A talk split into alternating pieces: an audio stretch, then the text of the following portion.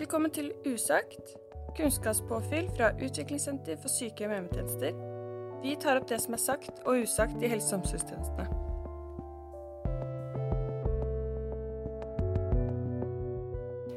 Er vi egentlig gode nok i observasjonskompetanse i helse- og omsorgstjenestene? Jeg heter Camilla, og i dag har jeg med meg Patrick, som jobber i utviklingssenter med hovedfokus på Klinops kommune og observasjonskompetanse. Ofte sier du at uh, i pandemien så hadde vi uh, Så skulle vi egentlig hatt størst fokus på observasjonskompetanse og handlingsberedskap, men, uh, men vi ble egentlig bare gode på håndvask. Og hvorfor Hva er det du mener med det? Det jeg mener med det, er jo Det er kanskje litt sånn kontroversielt, da. Utsagn. Men, men, men når jeg ser på Når jeg sitter og jobba både klinisk før, og så jobba jeg med opplæring under covid. Og når jeg kom tilbake til tjenesten igjen etter eh, covid, så så jeg jo så hadde jeg trodd at det, det man skulle ha fokus på, var jo observasjoner. Fordi covid-viruset gikk jo på slimhinnene, det gikk jo på lungene. Eh, det var ganske alvorlige konsekvenser ut av denne pandemien. Og, og, en av de viktigste tingene jeg tenker, var jo at man skulle observere og gjøre handlinger hele veien. Men da jeg kom tilbake igjen, så kom jeg tilbake til en kommunehelsetjeneste som skriker etter kompetanse om observasjonskompetanse. Jeg kommer tilbake til mange kommuner som strever etter det, og sier rett ut at vi mistet kompetansen vår. Mm. Og det jeg sitter og ser igjen, er at man har jo blitt kjempeflink til å vaske hendene, til å desinfisere hendene, bruke riktig desinfeksjonsmiddel, men observasjonskompetansen vår har blitt borte. Og så har jeg jo tenkt meg noen tanker rundt hvorfor dette har skjedd, da. Mm. Spennende. Jeg gleder meg å høre mer om. Men eh, kan ikke du, for det første, velkommen. Og kan ikke du si litt om deg selv? Jeg heter jo Patrick Bode Sjøgren Schulz, og jeg er jo øh, sykepleier. Dette er vel snart ti år siden jeg ble, ble sykepleier. Jeg har jo en fartstid både litt fra det private eh, og fra eh, både fra primærhelsetjenesten og spesialisthelsetjenesten. Jeg har jo både jobbet på legevakt og barneavdeling. Eh, og, og, jeg har både jobbet ute på gulvet mange år, og jeg har jobbet nattevakter mye alene. Og jeg har også jobbet med systematikk i forhold til fagutvikling og, og rådgiver. Eh, så jeg har jo opplever i hvert fall selv at jeg, jeg har sett store deler av helsevesenet vårt da, på, på mange, veldig mange kanter. Både det, det på ledersiden, men også det å være arbeidstaker. Eh, nå jobber jeg jo, som du sa i stad, på, på utviklingssenteret eh, i Akershus. Og så har jeg jo da en 50% stilling inn i Lørenskog kommune, som er vertskommunen vår.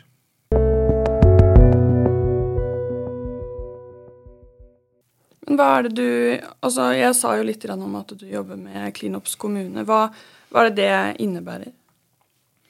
Klinops kommune er jo uh, et, et, systematikk Altså det er, jo Kommer fra utspringet fra et prosjekt som USOT hadde.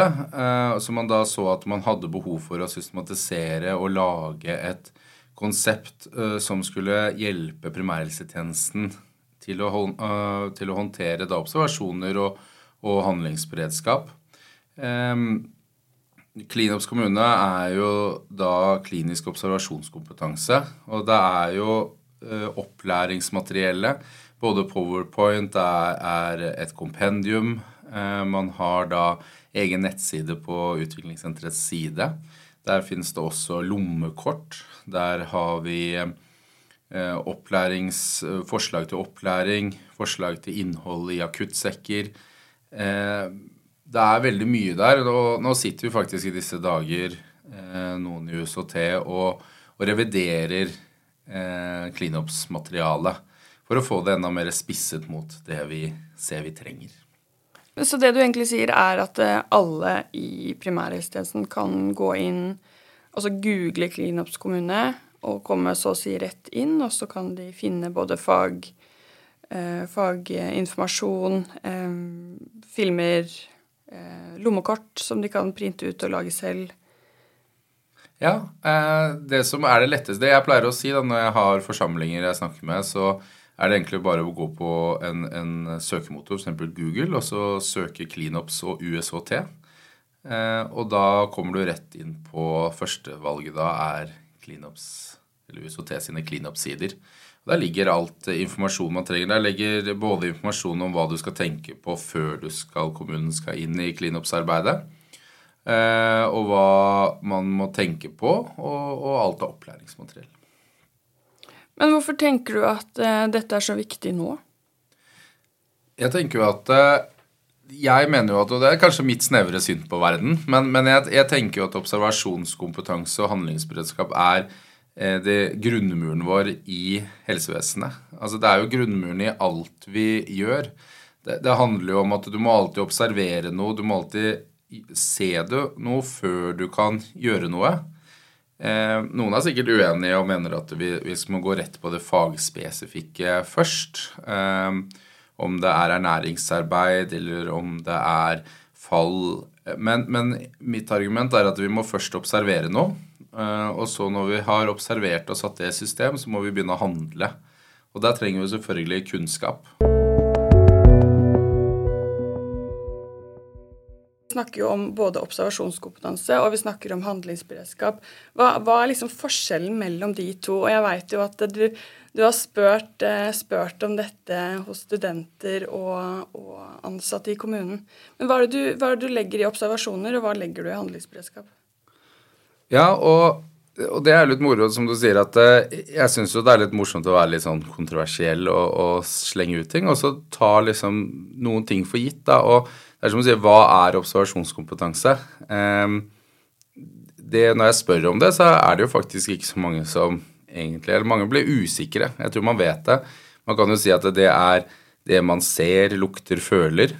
Um, det er jo observasjoner. Det er det man eh, måte, ja, rett og slett ser og, og, føler da. Når du kommer inn i et rom, da Jeg har tegnet en fantastisk tegning mm. um, som, som er en som ser inn i et rom. Og det første han ser, og, da er det å bruke metodikk, f.eks. ABCDE-metodikken, for å systematisere observasjonene våre. Og når han kommer inn i et rom, og det første man gjør når du kommer inn til rom, vi kan jo teste her nå, er jo når jeg kommer inn til deg, så spør jeg deg, sier jeg hei. Hei. Da sier du hei til meg. Og det jeg kan observere da, er jo at uh, du har jo da frie luftveier. Og du greier jo da å puste siden du kan si hei. Du ser jo uanstrengt ut. Fin farge i huden. Eh, du er oppe altså Hvis jeg ber deg, du trenger ikke å gjøre det nå, men å reise deg opp, da, som jeg har gjort på flere av de foredragene jeg har hatt, så reiser folk seg. Da vet jeg også at det C er ok. Dette er observasjoner. Hvordan vet du at C er ok, da? Det er fordi eh, C handler jo om sirkulasjonssystemet. Og en rask måte å finne ut det på er jo å få noen f.eks. til å reise seg opp. Og hvis de ikke blir svimle da, eller detter, så, så, handler det om at da er det ok. Da er det greit nok. Mm. Jeg, jeg, har ikke noe tall, jeg kan ikke si at det er hvilket blodtrykk du har, men jeg kan vite at akkurat her og nå så er det ok. Det er stabilt, på en måte. Det er stabilt, og jeg er ikke bekymret. Mm. Og, og, så kan vi jo vite på det, kan jeg jo spørre vet du hvor du er hen, f.eks. Eh, og så må jeg jo ha hvor mer bakgrunnsinformasjon jeg har om deg, hvor bedre er det å vite om du har diabetes eller noen andre sykdommer. Men man må ikke vite det. Eh, men ser jeg at du oppfører deg tilsvarende normalt, da, eh, så kan man si at normalt er mye, men hvis du sammenligner om utviklingshemmede, da, så kan det være noe med mye med atferd. Altså har de normal atferd, så, så, tenker jeg også at det er ok.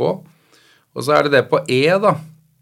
Helt på slutten, liksom, hva er, er temperaturen? F.eks. har du noen feber? Og da, Der begynner vi også å gå inn og kan se på dette med vekt. Nei, men på temperatur så kan du føle deg fram. ikke sant? Da kan du ta på pasienten hvis du skal ta morgenstellet f.eks.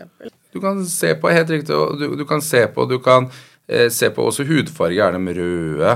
Er de svette? Eh, er de klamme på noen måte, da?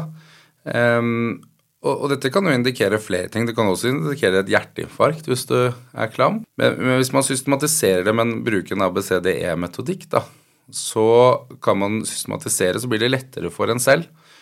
Uh, og alt dette her er observasjoner. Mm. Uh, og så er det da spørsmålet hva er handlingsberedskap? Altså Handlingsberedskap er jo tiltak du gjør. Uh, for å ta det enklere, så Eller mest alvorlig først, da, hvis jeg sier hei til deg, og du ikke svarer meg, så må jeg jo finne ut hvorfor svarer du meg ikke.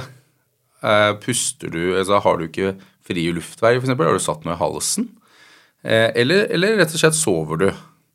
Eller har jeg f.eks.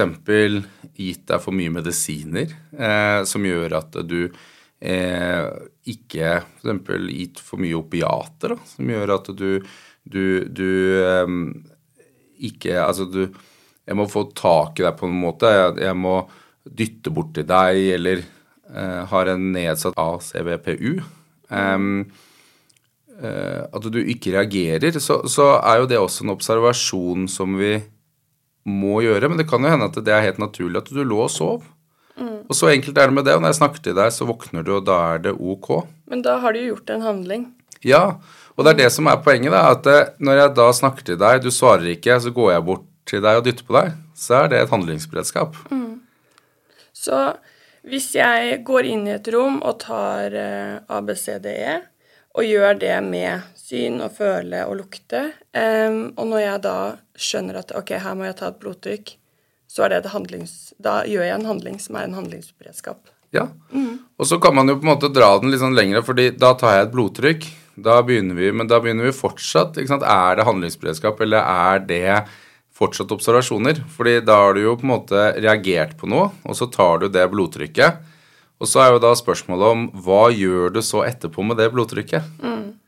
Hvis du ser at det blodtrykket er lavt eller det er høyt, så er det jo det du gjør etter der igjen, som er egentlig da hovedberedskapen eh, vår. da, og hvis du tar f.eks.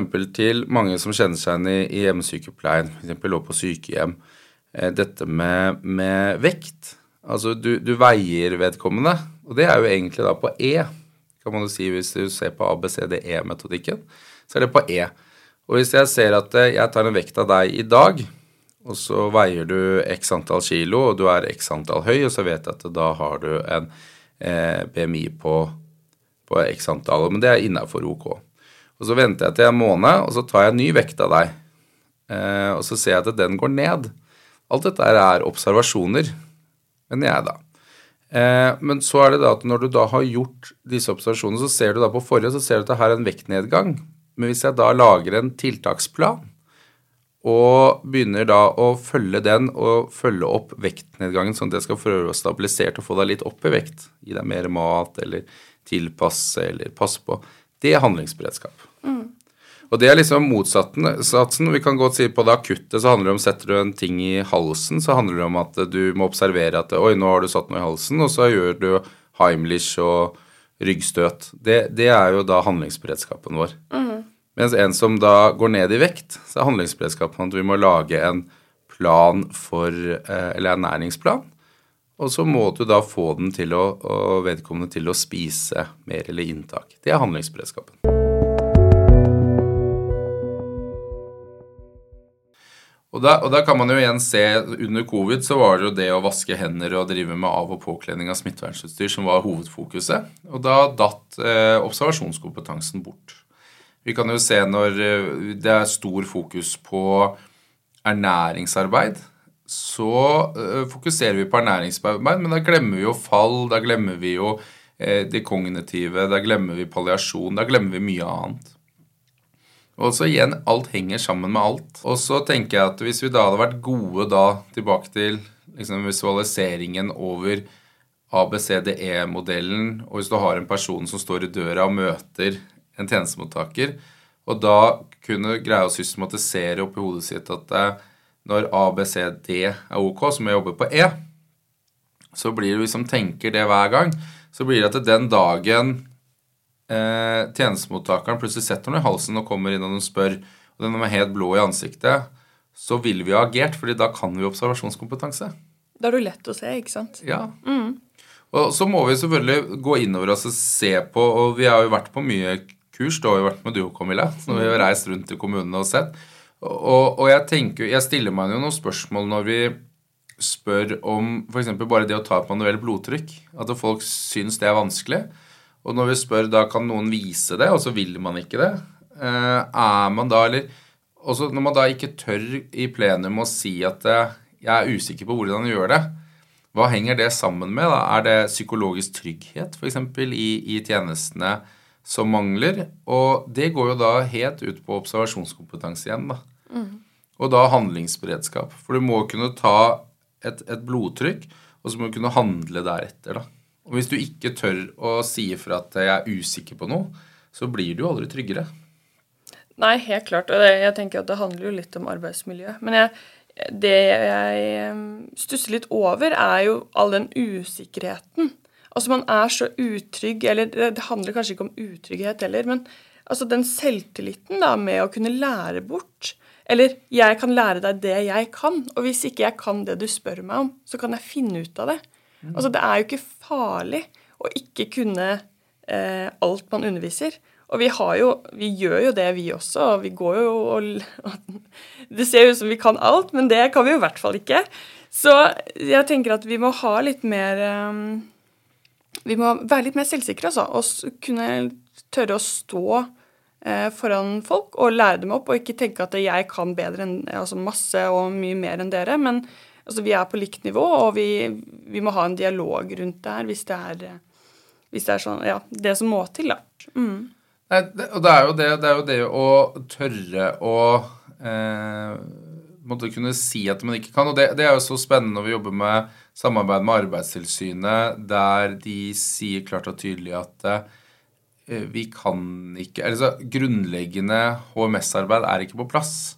Og det, dette med, og det, det er jo tilbake til liksom, Det gjennomføres kanskje for lite personalmøter, medarbeidssamtaler der man har rom til å kunne si noe om dette. Driften tar oss, og det er det vi ofte hører når vi også er ute og sier eh, kan vi ikke sette dette på plass, eller kan vi ikke organisere observasjonskompetanse på en fornuftig måte? Så blir det at nei, det har vi ikke tid til. Det får vi ikke tid til. Og jeg kjenner meg veldig, veldig godt igjen i det. Og jeg føler jo at eh, som tidligere leder så har jo absolutt driften tatt meg mange, mange ganger. Og bare det å gjennomføre en medarbeidssamtale er jo altså krevende, altså. Det er eh, å få tid til alt, og i tillegg da skal på en måte ha fag inn i det også. Det er, det er absolutt krevende. Så jeg forstår, jeg forstår i hvert fall lederne veldig godt, men, men, vi må faktisk finne en bedre løsning enn det sånn som vi driver i dag. da. Jeg, jeg, tenker, og jeg er helt enig med deg, og man skal ha respekt for Jeg tror mange ledere jobber seg i hjel, nesten. Jeg tror det er for mye press. Eh, og så er da spørsmålet hvem er det som legger det presset på hvem? Og hvorfor er det sånn? Har vi, når vi ser at vi har ganske mye øh, sånn sett personell, altså hvis du måler opp med hvor mange som er ansatt i helsetjenestene våre til andre land, Eh, vi ser jo at eh, Helsepersonellkommisjonen peker jo også på det at vi begynner å gå tom for helsepersonell. Og Da må man kanskje tenke på andre måter. Hvordan kan vi jobbe med observasjonskompetanse eh, og ta i bruk de ressursene vi har? Og kanskje ta i bruk de ressursene vi ikke tar i bruk i dag. Jeg ser at det er jo kommuner rundt Nå sitter jo vi som USOT, så er det veldig flott, for vi kan jo se fra hele landet og få erfaringer fra alle kommuner og høre med hvordan det er. Når jeg hører at det er kommuner som har tatt tak i dette og fått eh, helsefagsarbeidere opp på et nivå som er nesten over sykepleiernivå, som er da i, De på en måte utfører prehospitale tjenester fordi at eh, det er tre-fire timer til ambulansen kommer. Så det, de må være rustet på en helt annen måte. Og dette har de fått til. Og jeg tror at vi må, vi må tørre å ta bruk helsefagsarbeiderne på en annen måte enn vi gjør i dag. Vi må tørre å Kanskje for, er det helsefagsarbeideren som skal drive og undervise i dette her?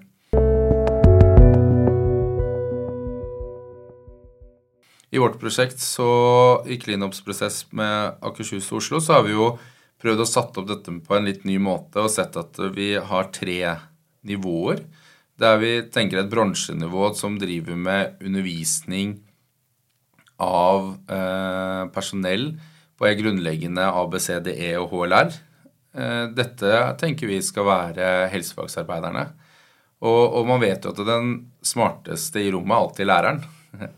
Sånn at det, det, det handler jo om at eh, bruke de folka vi har, og ha tillit til at helsefag også kan få det til. Og jeg vet at det er også kontroversielt som sykepleier å si det, for jeg har jo eh, fått sykepleierkollegaer som har blitt relativt sure og sinte på meg fordi at det er kommet opp som et forslag.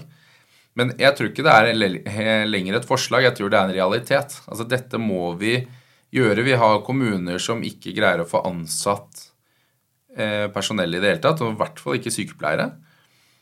Og, og, så har vi da kommuner også som sitter der nå og har gjort opplæring på mange personell, altså 500 stykker, og som da sitter et halvannet år etterpå og ikke har, de opplever at de ikke har noe kompetanse igjen. altså De har mistet kompetansen, de trenger mer. Og Det er kanskje måten de har gjort cleanups-opplæringen på. Hvordan de har forankret det, hvordan de har systematisert det, og hvilken personell de bruker. For ofte så blir jo disse sykepleierne som får da disse rollene, det er dyktige folk som enten blir satt til andre oppgaver i kommunen sin, eller så forsvinner de til andre jobber. Mm. Og, det, og det blir for sårbart. Eh, vi må på en måte få frem helsevaksarbeideren, er dyktige folk som vi må da eh, ta tak i. Disse skal være der med noe som vi kaller low dose high frequency, som vi har hentet fra Lærdal. Der man prøver å få læring inn i alle eh, momenter, da. Men jeg tenker, Nå er vi jo over på hvordan vi tenker man kan løse eh, denne utfordringen. Og jeg tenker at eh, vi må ha en episode til der vi tar for oss dette temaet, for det er veldig spennende og veldig viktig. Så per nå så vil jeg bare takke, takke deg, Patrick. Så høres vi jo i neste episode. Der skal vi ta litt opp hvordan vi, ja, hvordan vi ser på problematikken, og hvordan vi kan løse det. Så um, tusen takk for at du har tatt deg tid til å prate med meg. Tusen takk for at jeg fikk komme. Det var eh, kjempespennende, og jeg brenner veldig for dette her. Det gjør du helt klart. Og for deg som lytter, så um, må du høre på del to. Og i mellomtiden så håper jeg dere får en fin dag. Og tusen takk til deg, Patrick, og takk for i dag. Så høres vi. Det gjør vi. Ha det. Ha det. Dette er en podkast fra Utviklingssenter for sykehjem og hjemmetjenester hvor vi snakker om det som er sagt og usagt i helse- og omsorgstjenestene. Lik og følg oss på Spotify og Apple Podkast.